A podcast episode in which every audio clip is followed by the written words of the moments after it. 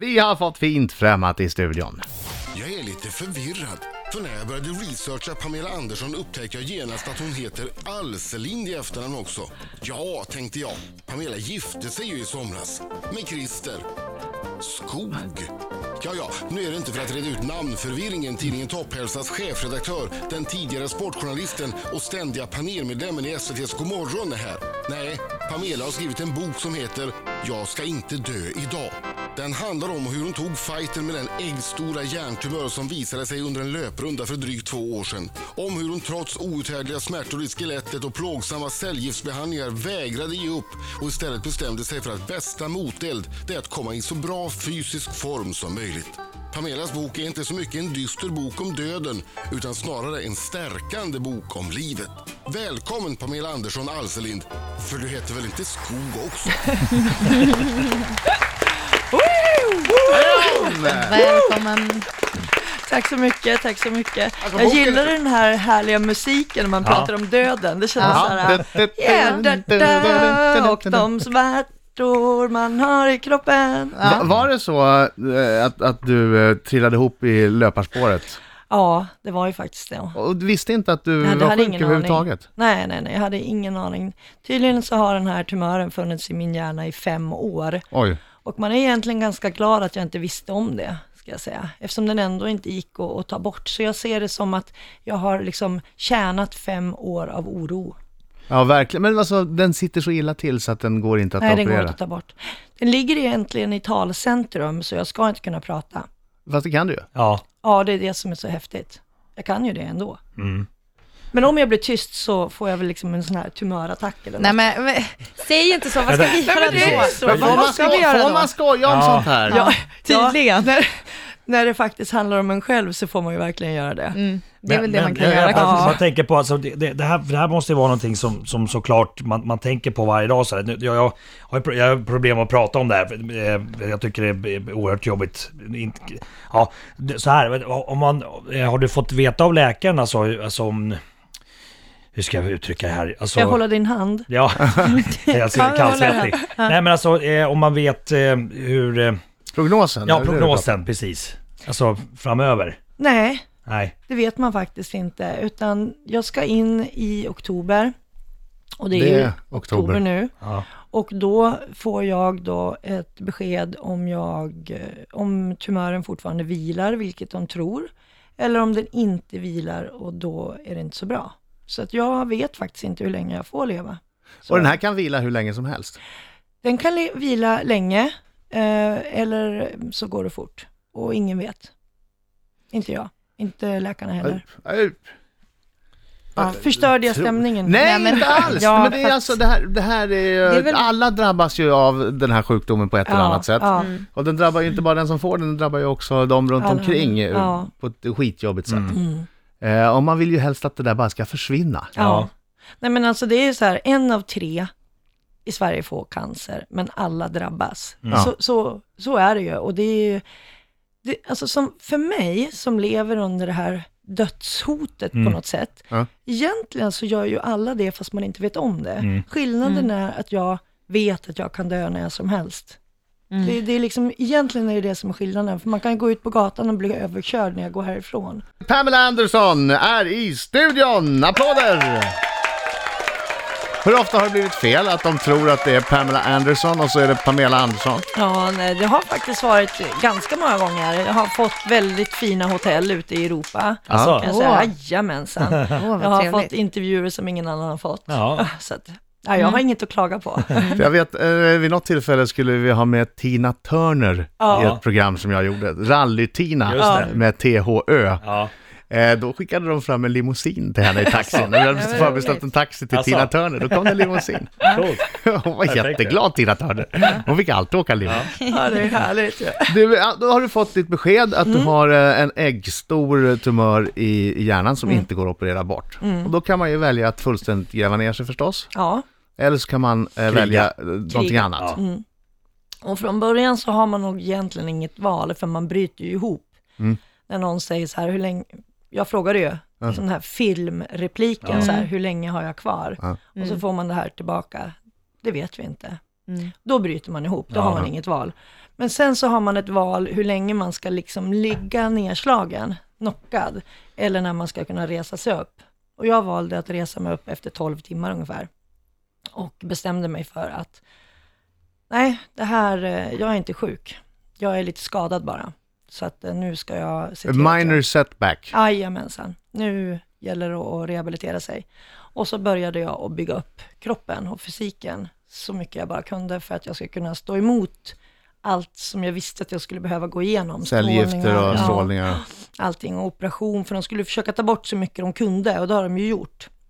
Men det går liksom inte, det är eh, ett ägg nästan kvar.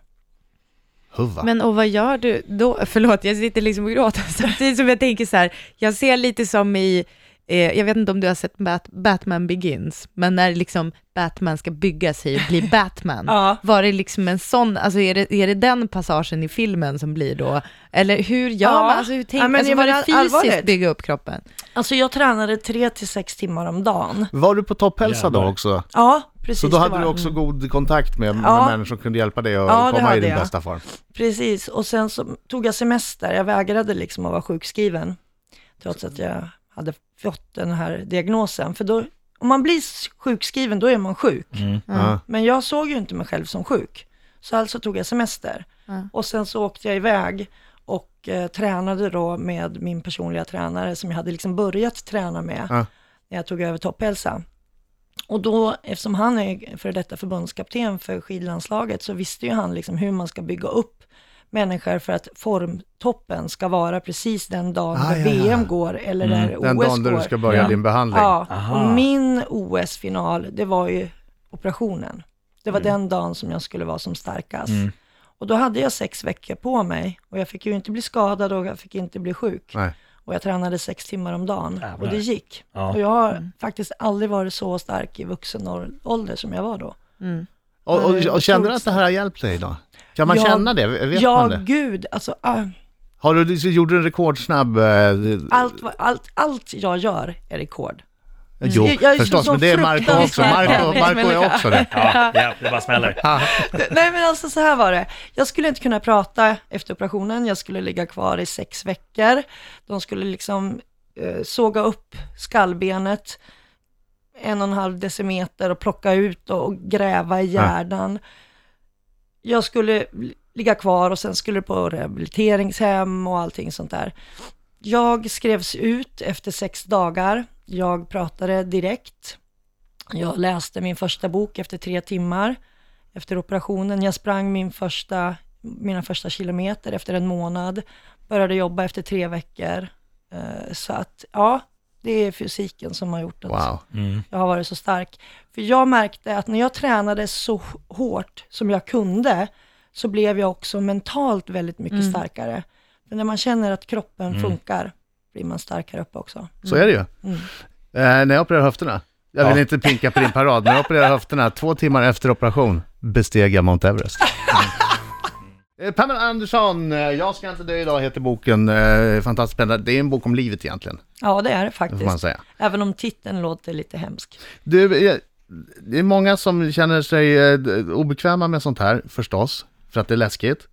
Hur ska man göra, hur ska man inte göra som eh, anhörig eller nära och kär eller, ja du vet vad jag menar. Mm.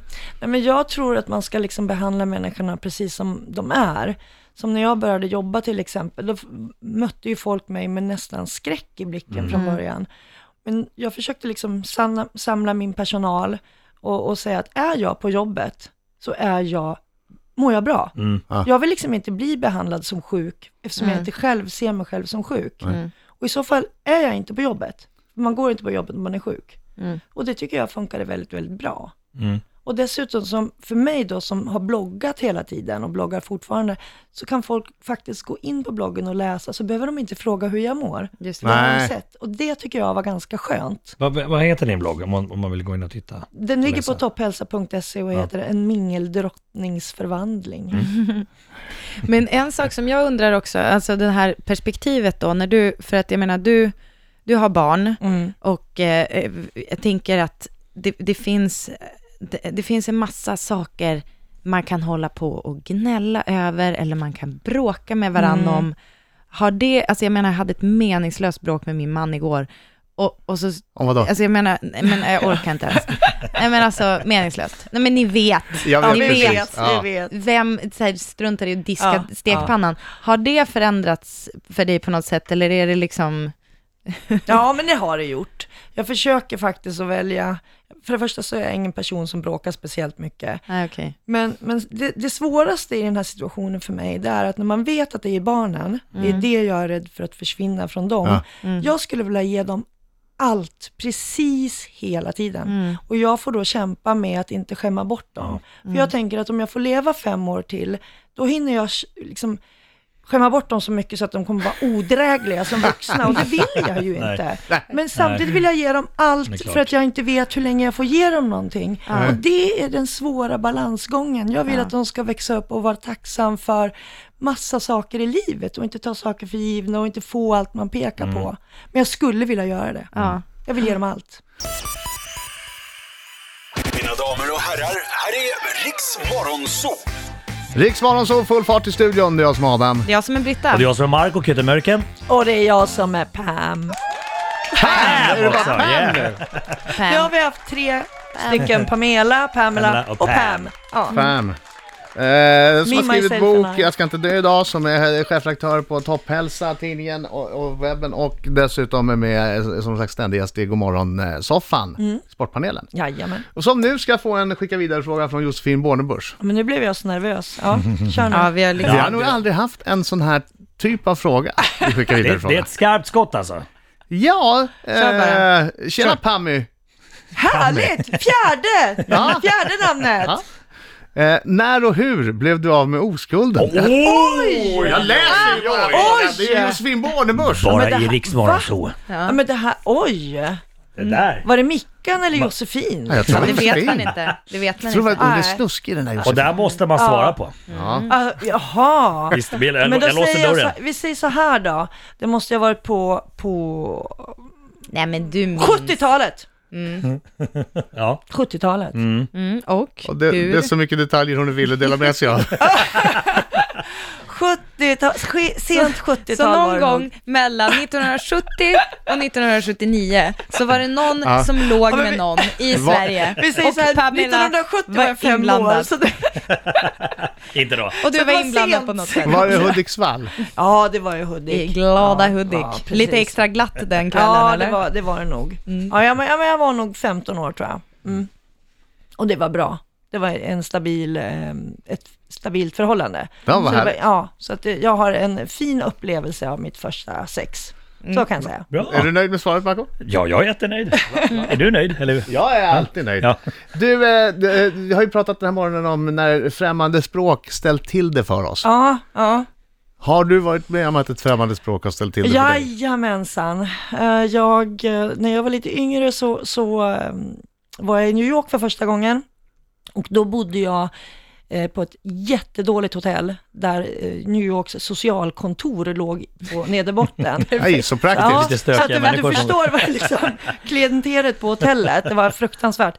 Folk bodde precis överallt, men jag hade ju inga pengar så jag fick också bo där. Och då bodde det en jättestor man i korridoren.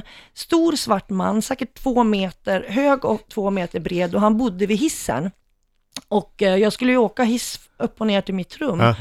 Och han fattade liksom tycke för mig där och föste undan alla så att jag fick liksom egen ingång till hissen och ingen får åka med och sen så åkte han med mig upp och ner för att han tyckte att det var så mycket scumbags ja, där. ja. Ja, det var Eh, snällt. Du och sen en- en morgon så frågade han mig så här, "Eh, Pamela, you want some coke?